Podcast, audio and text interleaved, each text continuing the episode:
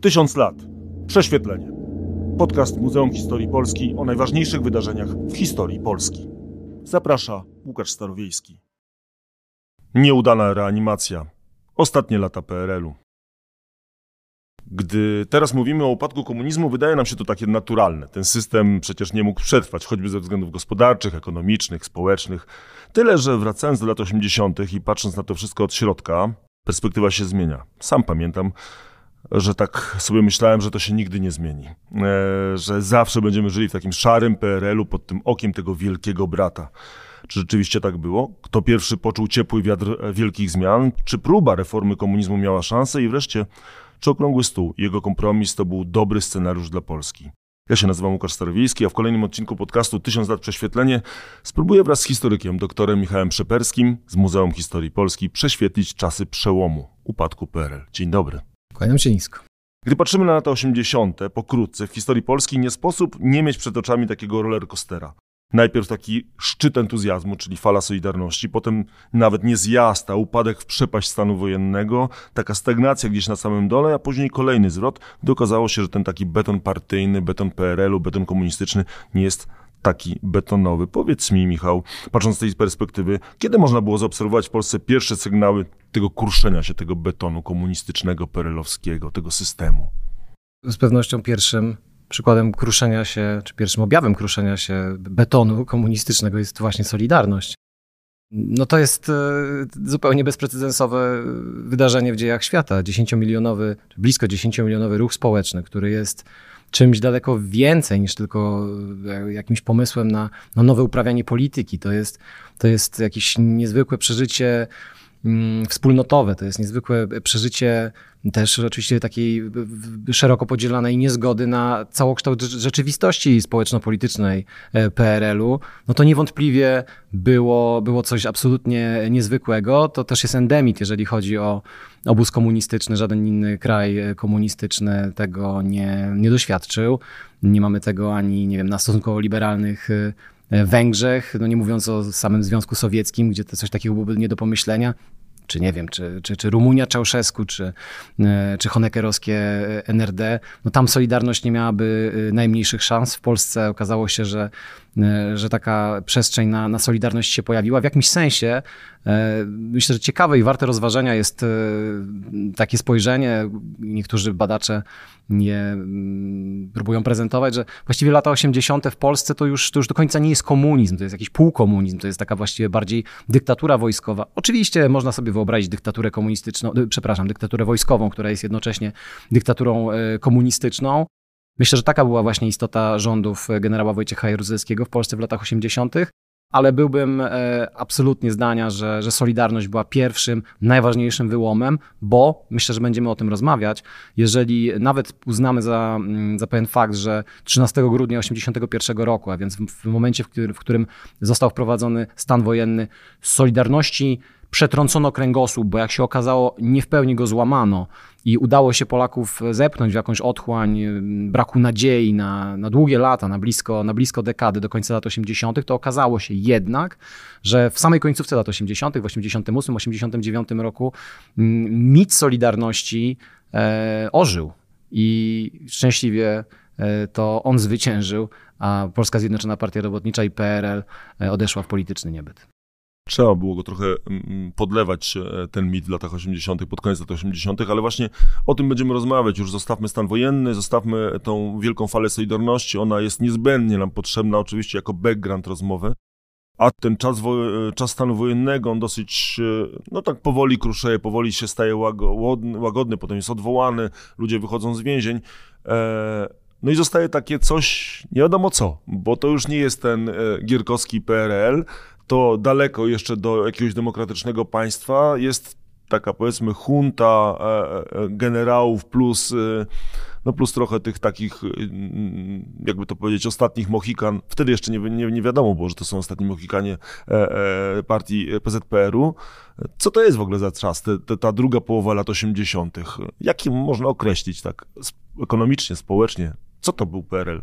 To z pewnością jest przede wszystkim z mojego punktu widzenia e, pasjonujący temat do badań i to jest e, chyba naj, najważniejszy, najkluczowy dla mnie, taki naj, naj, naj, najbardziej interesujący punkt, punkt startu. To rzeczywiście jest jakieś zupełnie niezwykłe zwierzę Polska w połowie lat 80. To jest rzeczywiście kraj rządzony przez, głównie przez wojskowych. E, którzy mają e, jakąś ambicję stworzenia pewnych pozorów e, demokracji. Pozorów, bo tak naprawdę ustawodawstwo, które zostało wprowadzone, prawa, które zostały wprowadzone jeszcze w okresie stanu wojennego w latach 81, 82 i 83, prawo było niezwykle surowe i tak naprawdę dawało ogromne uprawnienia właśnie władzy wykonawczej. Kodeks karny był, czy w ogóle prawo karne było niezwykle represyjne i i istniała pewna potencjalność bardzo brutalnego zwalczania nie tylko opozycji, ale w ogóle jakiegokolwiek e, społecznego sprzeciwu. To oczywiście było pokłosie Solidarności reakcja, mm, e, reakcja wojskowych, mundurowych w ogóle, bo także nie tylko wojskowych, ale także SB-ków, także milicjantów.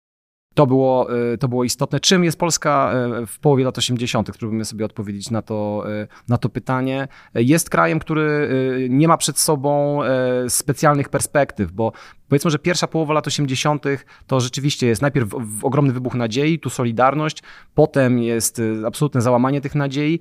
Generałowie wychodzą z taką propozycją, żeby w jakiś sposób pokazać Polakom, że może możliwe jest jakieś państwo dobrobytu. To może brzmi e, paradoksalnie, to dobrobytu bardzo relatywnego, ale to państwo, w którym robotnikom, e, którzy nie buntują się przeciwko władzy, inteligentom pracującym, czy chłopom, e, żeby to było tak zgodnie z, ze, ze sztafarzem komunistycznym, tym ludziom, którzy się wobec władzy nie buntują, tym będzie relatywnie dobrze. Tylko, że w połowie lat 80. okazuje się, że państwo de facto nie ma na to e, pieniędzy. Nie ma też żadnych możliwości, aby e, pożyczyć te pieniądze za granicą, ponieważ z Polską, która od 1981-2 roku de facto nie spłaca swojego zadłużenia zaciągniętego bardzo poważnego w okresach w okresie rządów e, Edwarda Gierka, nikt nie chce rozmawiać. E, I co prawda w 1986 roku Polska zostaje przyjęta na powrót do Międzynarodowego e, Funduszu Walutowego i tak dalej, i tak dalej. Zacieśnia się współpraca z, z Bankiem Światowym, ale jest jeszcze bardzo daleko do tego, żeby Polska była, czy Polska Rzeczpospolita Ludowa była uznawana za normalny kraj, za wiarygodnego kredytobiorcę. To się zresztą do końca istnienia PRL-u nie zmienia. Polska nie może normalnie rynkowo pożyczać pieniędzy, a państwo komunistyczne pogrążone w, ogromnym kryzysie, które nie może pożyczać pieniędzy, może liczyć no de facto albo na to, że pieniądze da Związek Sowiecki, a ten w połowie lat 80. Już, już ich po prostu nie ma, albo też, że w jakiś sposób uda się przekonać y, obywateli polskich do tego, żeby no, jakimś nadludzkim wysiłkiem y, zdecydowali się na jeszcze jedną e, próbę modernizowania e, i galwanizowania też systemu komunistycznego. I właściwie na tym spływają polityką komunistyczną ostatnie, e, ostatnie lata, 87, 88 i 89 rok, to są takie desperackie próby reformowania przede wszystkim gospodarki e, e, komunistycznej Polski, po to, żeby, żeby nadać jakieś w ogóle impulsy rozwojowe krajowi, ale też, żeby znaleźć nowy sens dla, dla komunistycznej Polski, bo to jest chyba bardzo, bardzo ciekawe, że ta końcówka lat 80. to jest Polska, co prawda komunistyczna, to znaczy to jest ciągle Polska, którą rządzi Polska Zjednoczona Partia Robotnicza, to jest ciągle, e, to jest ciągle Polska, to jest ciągle rzeczywistość, e, w której e, no, wszechobecne są nie wiem, pomniki Lenina i symbolika komunistyczna, ale tre, treści komunistycznej jest coraz to mniej i, i, i coraz to mniej. I wiele przykładów tego znajdziemy w latach 88-89, a czymś takim chyba najbardziej symbolicznym jest to prawodawstwo, które wprowadza rząd Które de facto było najbardziej liberalnym prawodawstwem, jeżeli chodzi o możliwość prowadzenia działalności gospodarczej, nie tylko w jakimkolwiek kraju komunistycznym, ale w gruncie rzeczy w ogóle nawet i w trzeciej RP nie doczekaliśmy się tak e, liberalnego prawa. Jeszcze do tego oczywiście wrócimy, e, bo jeszcze na ten obraz rzućmy sytuację międzynarodową. Ty już mówiłeś o tych kredytach, że nie można było e, dostać pieniędzy, co mogłoby poruszyć gospodarkę. No ale najpierw Gierek, potem Jaruzelski przyczynili się do tego, że no nikt nie był w stanie uwierzyć e, w żadne słowa, żadnego notabla partyjnego z Polski, że, że, że on coś zwróci albo coś wykorzysta odpowiednio. Ale to jest jedno. Mm, finanse to jest jedno, pieniądze to jest jedno, ale sytuacja międzynarodowa, e, ten obważanek wokół Polski jest dużo bardziej skomplikowany.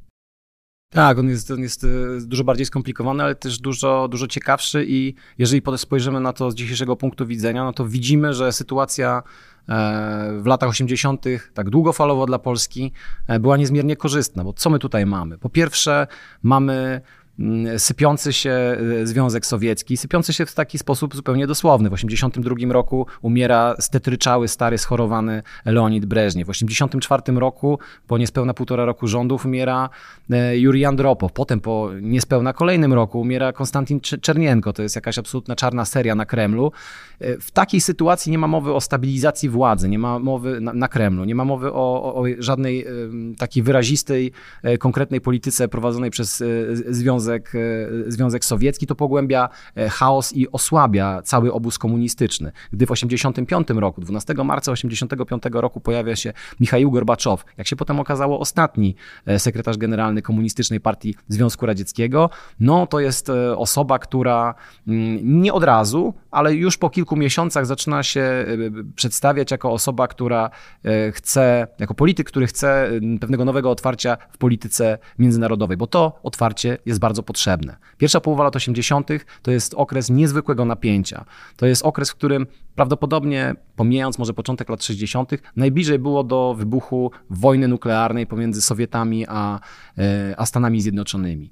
Ponieważ zawsze agresywni, butni, aroganccy e, Sowieci e, w początku lat 80. musieli się zderzyć z ogromnym wyzwaniem, czy stanąć przed ogromnym wyzwaniem, a tym wyzwaniem był Ronald Reagan, prezydent amerykański, prezydent z partii republikańskiej, który tym się bardzo odróżniał od swoich poprzedników, przede wszystkim może Jimmy'ego Cartera, którego może nieco przesadnie uważamy za, za mięczaka w polityce międzynarodowej, ale na tle właściwie wszystkich polityków e, amerykańskich, wszystkich prezydentów amerykańskich drugiej połowy XX wieku, no Ronald Reagan jawi się jako absolutny jastrząb, jako człowiek, o, człowiek wartości, człowiek e, skrystalizowanych e, poglądów prodemokratycznych i wyjątkowo też antysowieckich. To był człowiek, który był zdecydowany wspierać polską opozycję demokratyczną, który był oczywiście realizował poli polityczny interes amerykański. Ale tym akurat interesem było to, żeby osłabiać Sowietów e, poprzez wspieranie wolnościowych ruchów w Polsce, nie tylko w Polsce oczywiście.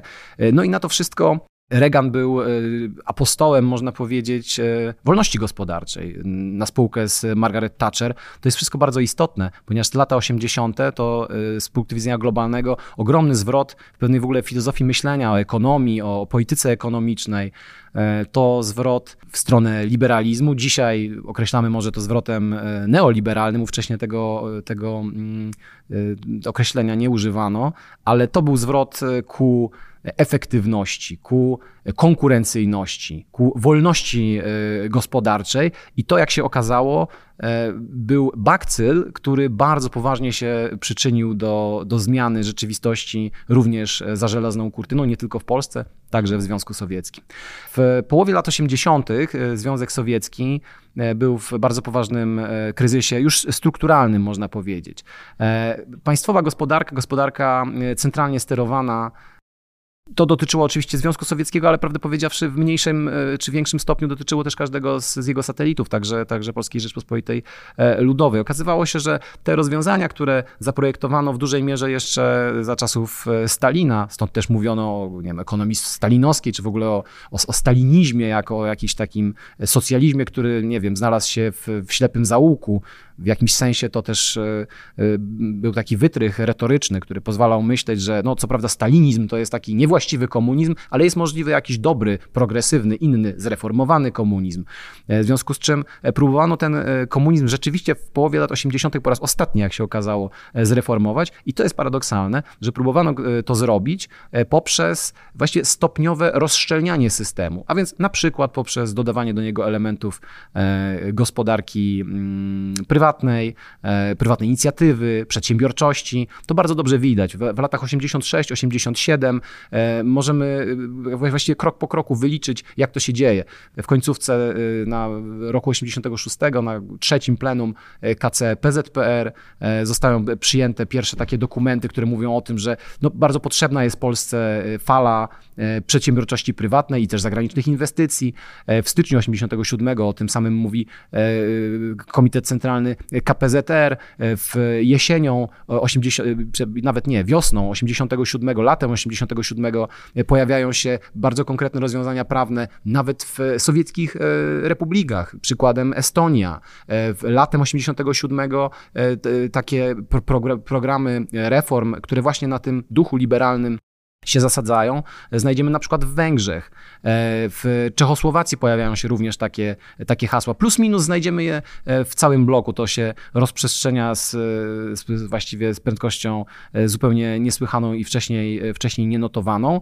I to, jak się okazuje, jest, i to też oczywiście wiemy już post factum, tego nie mogli wiedzieć komuniści w połowie lat 80., że próby wprowadzenia pewnej wolności do systemu komunistycznego, który z góry no, był systemem opartym na niewolności, na bardzo wyraźnych ograniczeniach e, w możliwości działalności e, działań jednostki, e, no, przyczynił się bardzo poważnie, po pierwsze do, do takiego podważenia fundamentów aksjologicznych, no, a po drugie po prostu do zupełnego rozwibrowania rzeczywistości społecznej i, i politycznej. Rozsadziło system. Na szczęście chciałoby się powiedzieć, dokładnie. No to jesteśmy już na tym e, polskim poletku. E, ja mam takie pytanie. Powiedz mi, czy ktokolwiek z tego szczytu komunistycznego to wierzył w to, że można zrobić jakiś socjalizm ludzką twarzą, który przetrwa? Tak do końca y, właściwie nie możemy na nie odpowiedzieć, ale możemy spekulować, moim zdaniem warto to robić. Y, ja poświęciłem sporo swoich badań Mieczysławowi y, Rakowskiemu, o nim zresztą rozmawialiśmy już w czasie którejś z rozmów, y, z podcastów Muzeum Historii Polski, ale y, wspominam o nim tutaj dlatego, że w moim przekonaniu to był człowiek z różnych powodów głęboko przekonany o tym, że po pierwsze możliwa jest reforma komunizmu i po drugie on był przekonany, że ma jakiś pomysł dość konkretny na reformę tego komunizmu i on, on, on szedł mniej więcej w, w takim duchu, jak ja, jak ja to powiedziałem, a więc w duchu liberalizacji ekonomicznej. Bo to też jest bardzo, bardzo ciekawe, że, że kiedy my mówimy o reformie, tak tak zresztą używano tego słowa w latach 80., gdy mowa o reformie, to przede wszystkim jest mowa o, o jakimś przekształceniu gospodarki, podczas gdy e, reforma systemu, no to przecież nie tylko gospodarka, to również, e, to również polityka, e, to również, nie wiem, sprawy obyczajowościowe, czy polityka, polityka zagraniczna. W każdym razie myślę, że jeżeli się czyta dokumenty e, z epoki, z lat 80., to na przykład z, nie wiem, z biura politycznego polskiego, czy, czy, czy jakieś oficjalne wywiady, czy wystąpienia w, w jakichś gremiach Komitetu Centralnego takich czy innych, albo na jakichś zupełnie e, naradach, e, nie wiem, fabrycznych, czy, czy jakichś mniejszych zupełnie organizacjach partyjnych, na rozmaitych gremiach, to jest takie wszechobecne poczucie, że tak jak jest, tak dalej być nie może. To jest bardzo ciekawe, bo e, badania e, socjologiczne pokazują, że 86, początek 87 roku to jest ten moment, w którym rzeczywiście coś się niezwykłego e, zaczyna dziać z, ogólnie z nastrojami społecznymi w Polsce. One się zaczynają bardzo wyraźnie pogarszać. I można w pewnym uproszczeniu powiedzieć, o, o ile cała ekipa Jaruzelskiego od 86 roku prowadzi coraz bardziej umownie, podkreślam, e, stosuję to słowo, ale coraz bardziej liberalną e, politykę, a więc rezygnuje z, ze ścigania każdego opozycjonisty. To nie jest już tak, że za, każdy, e, za każdą bibułę, za każdy samizdat, za każdy, mm, za każdy egzemplarz niezależnej prasy podziemnie drukowanej, nielegalnie z punktu widzenia prawa PRL, można iść do więzienia. To się kończy w 1986 roku i można powiedzieć, że coraz więcej wpuszcza się wolności rozmaicie rozumianej do, do systemu, ale im, im więcej się jej wpuszcza, tym wcale nie poprawiają się e, wskaźniki nie wiem, optymizmu e, czy, czy, czy, czy w ogóle wskaźniki e, nastrojów społecznych, bo co prawda coraz więcej można, natomiast widać, że cała rzeczywistość społeczna coraz bardziej skrzeczy. To znaczy, e, w jakimś sensie komuniści próbują wywołać entuzjazm dla, dla reform, na przykład dla tak zwanego drugiego etapu reformy gospodarczej w roku 88, no ale potem się okazuje, że za tymi reformami nic się nie kryje poza ogromnymi e, wzrostami cen, co za tym idzie ludziom, że żyje coraz, coraz trudniej e, i, i, i, i coraz biedniej. I można powiedzieć tak, że, że o ile Rakowski był, wrócę jeszcze do tego, kto myślał o tych reformach, o ile e, Rakowski myślał szerzej i wyobrażał sobie rzeczywiście, że, e, no, no, że Polska może, Polska komunistyczna ma przed sobą jakąś, jakąś przyszłość i przyszłość tę widział wielką, o tyle tacy administratorzy, jak na przykład premier Zbigniew Messner, czyli poprzednik Rakowskiego na stanowisku, na stanowisku premiera, był raczej zwolennikiem takich małych kroków, raczej obszywania jakimiś takimi łatami tego poprutego sukna Polskiej Rzeczpospolitej Ludowej. No i prawdę powiedziawszy, z perspektywy czasu widać, widać, że ani jedna, ani druga e, z tych, e, z tych taktyk się, e, się nie powiodła. Mm, no i można tylko zastanawiać się, y, no powiedzmy, y, co miał, załóżmy, Zbigniew Messner w głowie. Czy, czy, czy on rzeczywiście sobie wyobrażał, że, że, że, komunizm można zreformować, jakoś tak fundamentalnie go zmienić? Mnie się wydaje, że, że nie. Ale, ale na... ja mam wrażenie, że w tej reformie gospodarczej było, zwłaszcza Messnera, to było tak mało tych elementów reformatorskich rzeczywiście, że, że trudno sobie wyobrazić, żeby on, jeżeli był człowiekiem względnie myślącym, liczył na to, że to przyniesie jakąś rewolucyjną zmianę. No tam przecież tak naprawdę to planowanie, te ceny i tak dalej, i tak dalej, inaczej nazywane, ale pozostało takie same. No, może kto inny decydował, ale to nie decydował cały czas rynek, to decydowali towarzysze. Tak, ja myślę, że właściwie to są dosyć skomplikowane sprawy. Myślę, że ciężko jest o nich mówić w sposób e, e, taki w pełni zrozumiały, ale żeby e, oddać to, co na czym mi najbardziej zależy, żeby, żeby to przekazać, to zwróćmy uwagę na, na dwie rzeczy. Z jednej strony byli tacy ludzie jak, jak Messner, świetnie wykształcony ekonomista, wybitny księgowy, to zupełnie przecież bez, bez, bez, bez żartów mówię. Natomiast człowiek, który miał no, w jakimś sensie też ograniczone horyzonty intelektualne, może nie do końca to bym chciał powiedzieć, ale też na pewno pewnego rodzaju polityczne ambicje. On widział tylko pewien wycinek rzeczywistości, natomiast umówmy się, Messner był człowiekiem E, pewnej generacji. On był człowiekiem urodzonym w roku 1929, e, w związku z czym w latach 80. był już dojrzałym, e, w pełni ukształtowanym człowiekiem u szczytu swojej kariery, pewnie zawodowej, no, który był przyzwyczajony do tego, że można zrobić tyle tylko, ile góra zatwierdzi.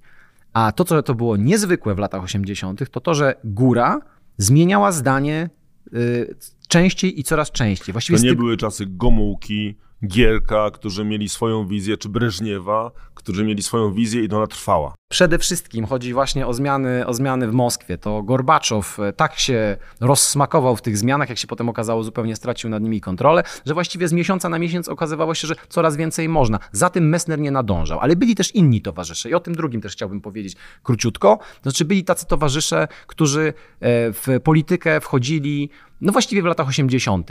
Tacy towarzysze jak, e, nie wiem, Ireneusz Sekuła, niesławny później, jak się okazuje, aferzysta, E, w trzeciej e, RP, ale także tacy politycy jak nie wiem, Leszek Miller czy Aleksander Kwaśniewski, oni zupełnie inaczej już patrzyli na, e, na, na Polskę komunistyczną. Znaczy, jak się okazało, nie byli gotowi umierać za nią, nie byli gotowi bronić jej za wszelką cenę. Oni to znaczy właśnie ci ludzie urodzeni gdzieś w końcówce lat 40., początku lat 50. wyobrażali sobie przyszłość bez Polski komunistycznej.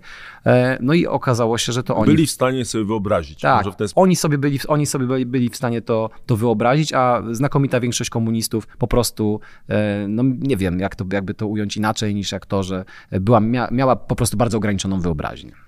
No, jestem w stanie zrozumieć trochę, wiesz, starożytny Rzymianie żyjący w cesarstwie rzymskim, nie trudno sobie było nagle wyobrazić, czy przechodzą Germanię i już nie ma cesarstwa.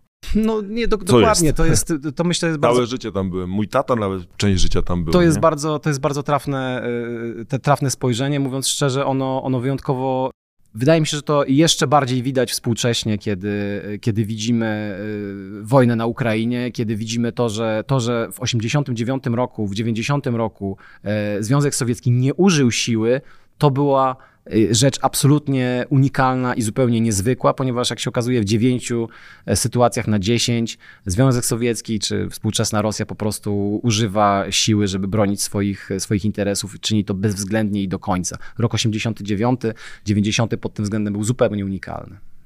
Wróćmy do PRL-u, wróćmy do tych reform. Jak się zastanawiam, takie pytanie, może takie trochę historiozoficzne, e, bo mm, niektórym udało się przekształcić twardy komunizm w komunizm, który jest e, sprawny gospodarczo. Mówię o państwach azjatyckich. Chiny są złym przykładem, bo one są jakby samowystarczalne, ale już Wietnam, e, czy to oczywiście ta droga powstała później, ale czy ta droga taka, powiedzmy, wietnamska była w, w Polsce dostępna, możliwa?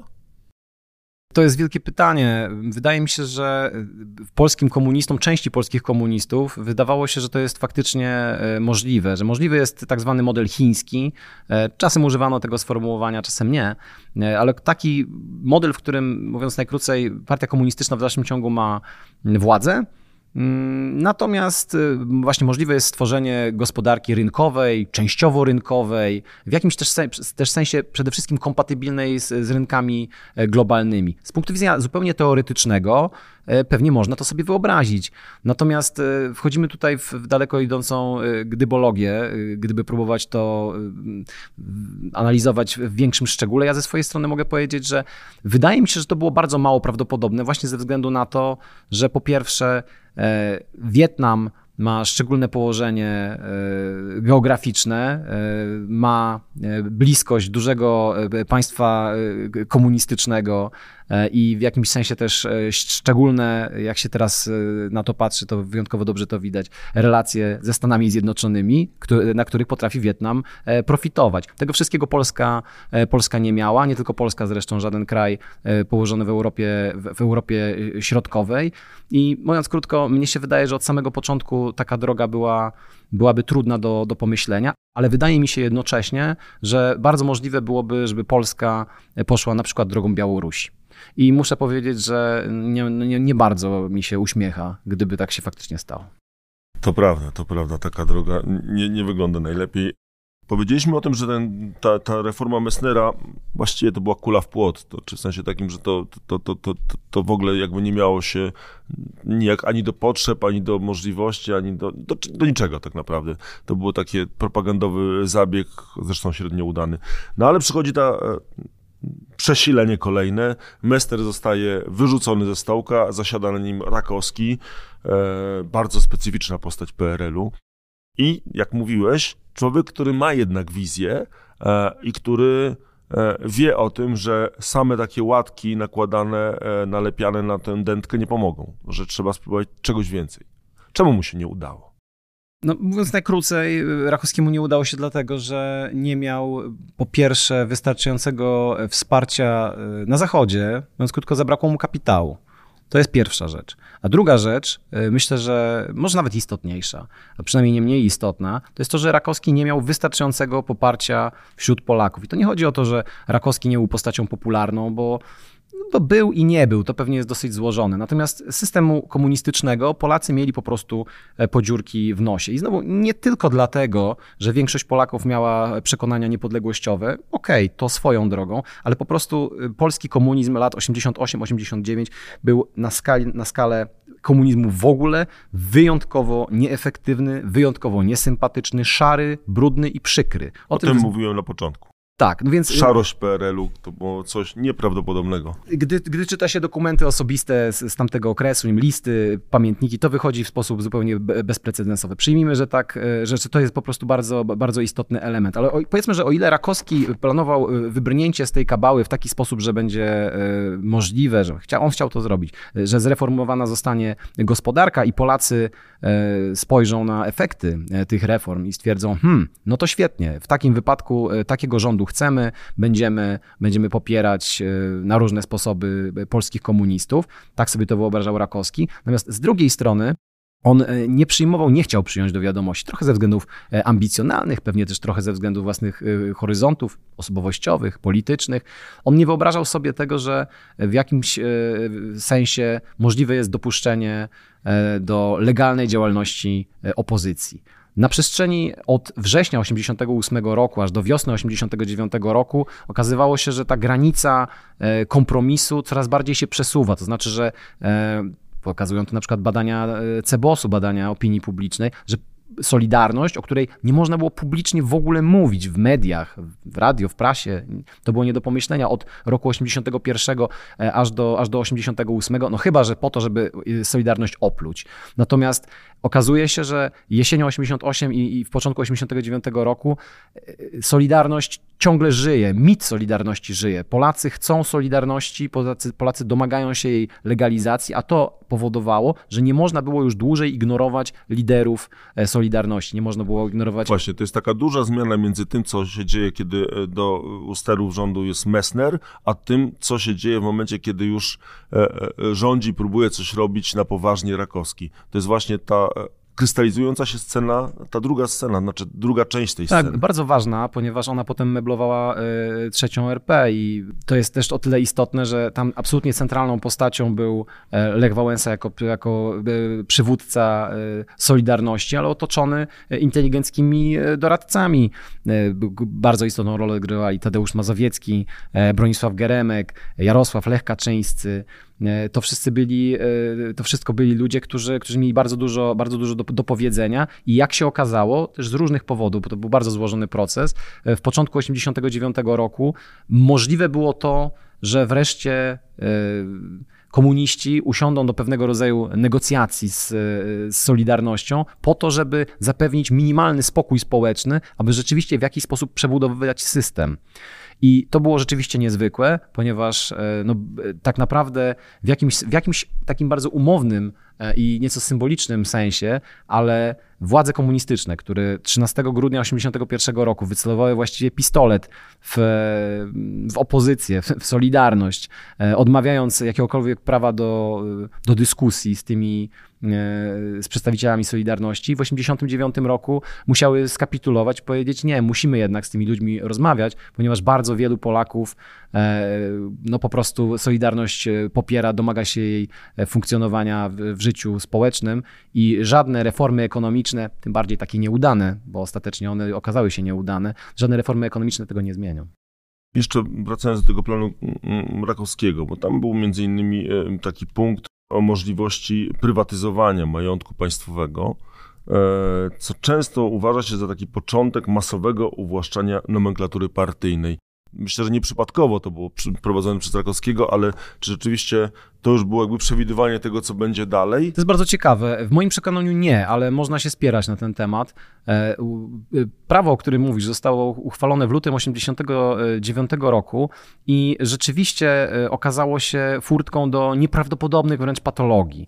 E, to, co działo się w Polsce w, w mikroskali w wielu zakładach, w fabrykach, w instytutach badawczych na przestrzeni roku 89 i 90 jest czymś absolutnie księżycowym. Dochodziło do uwłaszczenia, uwłaszczania się na majątku państwowym przez przez ogromne rzesze ludzi, przede wszystkim przez administrację właśnie fabryczną, administrację zakładów, ale także przez e, aparat e, partyjny, a więc ludzi, którzy dysponowali władzą. Oni e, zamieniali swoją dotychczasową właśnie władzę polityczną w, w pieniądze i w tym sensie przygotowywali się do, do nowej rzeczywistości trzeciej, trzeciej RP. Natomiast no, nie zgadzam się z tym, że to był jakiś plan z góry, z góry założony. Ja myślę, że warto jest pamiętać o jednej rzeczy tak część reformat, tak zwanych reformatorów partyjnych, jak i część e, bardzo e, istotnych, wpływowych myślicieli e, po stronie solidarnościowej. Tutaj takim bardzo często powoływanym, może nie do końca reprezentatywnym, ale ważnym przykładem będzie Mirosław Dzielski, filozof i taki powiedzmy apostoł liberalizmu gospodarczego z Krakowa. Dzielski był przekonany, że jeżeli w Polsce ma dojść do demokratyzacji, jeżeli w Polsce komunizm E, ma, się, ma ulec jakiemuś przekształceniu, to to musi się dokonać za jakąś cenę. A tą ceną będzie właśnie coś, co będzie przybierało kształt pewnego uwłaszczenia nomenklatury i że jest to e, cena, którą i tak warto zapłacić za to, żeby w perspektywie y, kilku, kilkunastu lat, może kilkudziesięciu lat w Polsce zapanowała pełna wolność. I z dzisiejszego punktu widzenia mamy co do tego oczywiście bardzo poważne wątpliwości i wydaje się, że to jest przede wszystkim skrajnie, y, skrajnie niesprawiedliwe. Uchylając się może... To jest nie... skrajnie niesprawiedliwe, aczkolwiek być może jest to życiowe. Więc dokładnie to próbuję powiedzieć. Jeżeli, jeżeli dyskutujemy dzisiaj nad uwłaszczeniem nomenklatury, co jest istotnym problemem, z którym się Polska, przynajmniej jeżeli chodzi o debatę publiczną w latach 90., zmagała, to pamiętajmy, że no w różny sposób ją, to znaczy to uwłaszczenie nomenklatury oceniano właśnie w 89 i 90 roku. A to jest ten moment, to e, początek uwłaszczenia nomenklatury, kiedy tak naprawdę już dochodzi do poważnych rozmów e, między rządem a opozycją. Właściwie to już jest, no, e, właściwie to już jest moment okrągłego, okrągłego stołu. A kiedy towarzysze partyjni pierwszy raz dostrzegli, że bez opozycji nie da rady. Kiedy takie pierwsze rozmowy przyszły? Były? No, no tak po trochu były przez cały czas oczywiście prowadzone, ale takie, że no nie da rady. Musimy, musimy się trochę podzielić, musimy gdzieś z nimi dogadać się. 88 rok to jest e, rok dwóch fal strajkowych. Z wiosny, i, czyli z kwietnia, maja 88, dużo słabsza ta fala, ale symboliczna, bo bo pierwsza tak duża po stanie wojennym, no i druga fala z sierpnia 88, dosyć ciągle rachityczna, bo strajkowało wedle różnych ocen nie więcej niż 15 tysięcy ludzi, to, to właściwie nieporównywalne, nie wiem, z 700 tysiącami z sierpnia 80 roku, ale to jednak pokazywało no, pewien tilt. To znaczy, władze nie były na tyle silne, żeby na przykład siłowo rozwiązać e, problem tych strajków. Nie chciały tego zrobić. Czuły się prawdopodobnie zbyt słabe. I wydaje mi się, że w sierpniu 1988 roku wystraszeni komuniści, przede wszystkim wystraszony Wojciech Jaruzelski, stwierdził, że tak dłużej się nie da i trzeba przynajmniej spróbować e, stworzyć jakieś pozory, że będą prowadzone dyskusje między opozycją czyli przede wszystkim grupą y, wokół Lecha Wałęsy, mówiono czasem w publicznych mediach, czy też, przepraszam, nie tyle w publicznych, co w komunistycznych mediach, grupa Lecha Wałęsy albo konstruktywna opozycja, w odróżnieniu od niekonstruktywnej, takiej jak, nie wiem, y, gru, grupa robocza Solidarności, na przykład zgromadzona wokół, wokół Andrzeja, Andrzeja Gwiazdy. Sierpień 88 roku to jest ten moment, kiedy zaczynają się rozmowy poważniejsze, aczkolwiek trzeba pamiętać, że jeszcze jesienią 88 roku opozycja miała wszelkie dane po temu, żeby mieć takie poczucie, że władze chcą ją wykiwać. I prawdę powiedziawszy, kiedy dzisiaj się y, jeszcze raz wraca do tych dokumentów, kiedy rozmawia się dzisiaj y, z żyjącymi jeszcze uczestnikami e, tych rozmów, to można odnieść wrażenie, że komuniści do samego końca grali nieczysto. E, I no myślę, że fakt, że opozycja zaufała komunistom na tyle, żeby usiąść w ogóle do okrągłego stołu, E, który rozpoczął się w lutym 89 roku, 5 lutego 89 roku, czy 6 lutego 89. To była naprawdę e, ogromna sprawa. E, to był, to, była, to był ogromny krok, który opozycja musiała wykonać. E, musiała zaufać komunistom w minimalnym chociaż stopniu. Ale czy znaczy, że w czasie tych obrad Okrągłego Stołu cały czas komuniści próbowali wykiwać opozycję? Czy to już był ten moment, kiedy jednak próbujemy wymyślić jakiś sensowny dla siebie przede wszystkim, a i dla innych też już trudno kompromis. No myślę, że e, Byłbym zwolennikiem patrzenia na, na okrągły stół, nie jak na e, świętą krowę polskiej historii i, i w taki sposób, że usiadł, usiadły tam e, dwie strony, no, opozycyjna, czasem nazywana społeczną i, i, komunistyczna, które spotkały się tam po to, żeby, e, żeby wspólnie coś dobrego dla Polski zrobić. No, w dłuższej perspektywie prawdopodobnie tak, to znaczy, gdyby się udało, to, to dlaczego nie, e, nie, nie zrobić czegoś dobrego dla, dla Polski, ale komuniści e, przede wszystkim byli zainteresowani dalszym trwaniem systemu, natomiast solidarnościowcy byli zainteresowani przede wszystkim tym, żeby Solidarność mogła funkcjonować, żeby Solidarność mogła legalnie funkcjonować i w ten sposób doprowadzać do zmiany, przekształcenia Czyli systemu. Czyli jeszcze w tym momencie nie było myśli o tym, że może być nasz rząd. Nie, że absolutnie. może być nasz, e, przynajmniej nasi ministrowie. Nie, to... nie, absolutnie, absolutnie nie. Jeżeli ja mówię o tym, że, że, że okrągły stół to, to, to jest wydarzenie, które moim zdaniem należy, należy patrzeć bez sentymentów, to próbuję powiedzieć tyle. Tam się toczyła bardzo poważna e, gra polityczna. Gra polityczna, w której coraz to słabsza z tygodnia na tydzień była strona komunistyczna i coraz mocniejsza moralnie, jeżeli chodzi o takie, takie swoje poczucie co do tego, czy Polacy popierają ją, czy nie, była coraz mocniejsza była strona, była strona solidarnościowa. I kiedy ostatecznie podpisano porozumienie okrągłostołowe po dwóch miesiącach negocjacji, czego nikt nie przewidywał na początku, to miały być znacznie krótsze negocjacje. Kiedy po dwóch miesiącach ostatecznie je podpisano, to okazało się, że komuniści musieli, musieli się zgodzić na znacznie więcej, niżeli pierwotnie e, oczekiwali, a przede wszystkim zgodzili się na to, żeby Solidarność mogła zostać zalegalizowana, to było najistotniejsze, oraz na częściowo wolne, no, czyli de facto niewolne, ale bardziej, mniej niewolne aniżeli do tej pory e, wybory do, e, do Sejmu, a także właściwie wolne wybory do Senatu. I, i to było coś zupełnie bezprecedensowego. Tego czyli się tego Solidarność nie spodziewała. Tego się pewnie nie spodziewał Siadając. ten rząd. Tak, naturalnie. To, to, było, to było coś, czego, czego się nie spodziewało. No, w takim znaczeniu, że tego się nikt nie spodziewał, kiedy, kiedy zasiadano do, do okrągłego stołu, że tak daleko będą, będą szły y, ustalenia to ustawia zupełnie inną perspektywę patrzenia na okrągły stół. Ta e, dynamika tych, tych, tych rozmów, e, te zmiany, tak? Bo rozumiem, że zaczynaliśmy od tego, żeby zalegalizować Solidarność, powiedzmy, a skończyliśmy na tym, że, że Senat może być nasz i jedna trzecia Sejmu. Tak, a, a, a, dalej ta dynamika, y, ta dynamika tylko... A potem tylko, to już lawina się potoczyła. Tak, a dalej ta dynamika tylko przyspieszała i to jest między innymi absolutnie fascynujące w roku 89, bo jeżeli się patrzy na całość lat 80., to ja mam bardzo często takie wrażenie jako badacz, że y, Polacy w latach 80., y, pomijając okres 80-81, byli, byli bierni.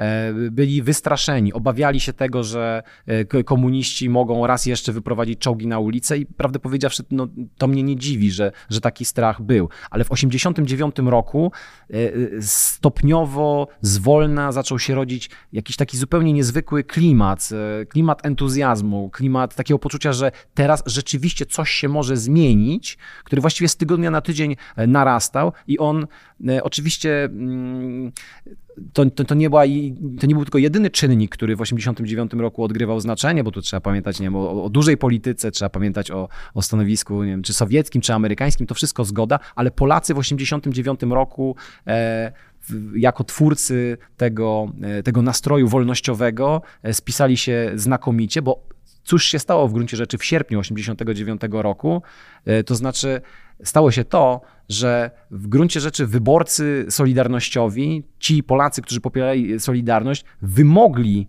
moralnie na, na, na solidarnościowcach, żeby ci przejęli władzę. I to się stało. Te, taki, taka była geneza e, rządu Tadeusza Mazowieckiego, a o rządzie Tadeusza Mazowieckiego to przecież w początku 1989 roku nikt nie mógł marzyć.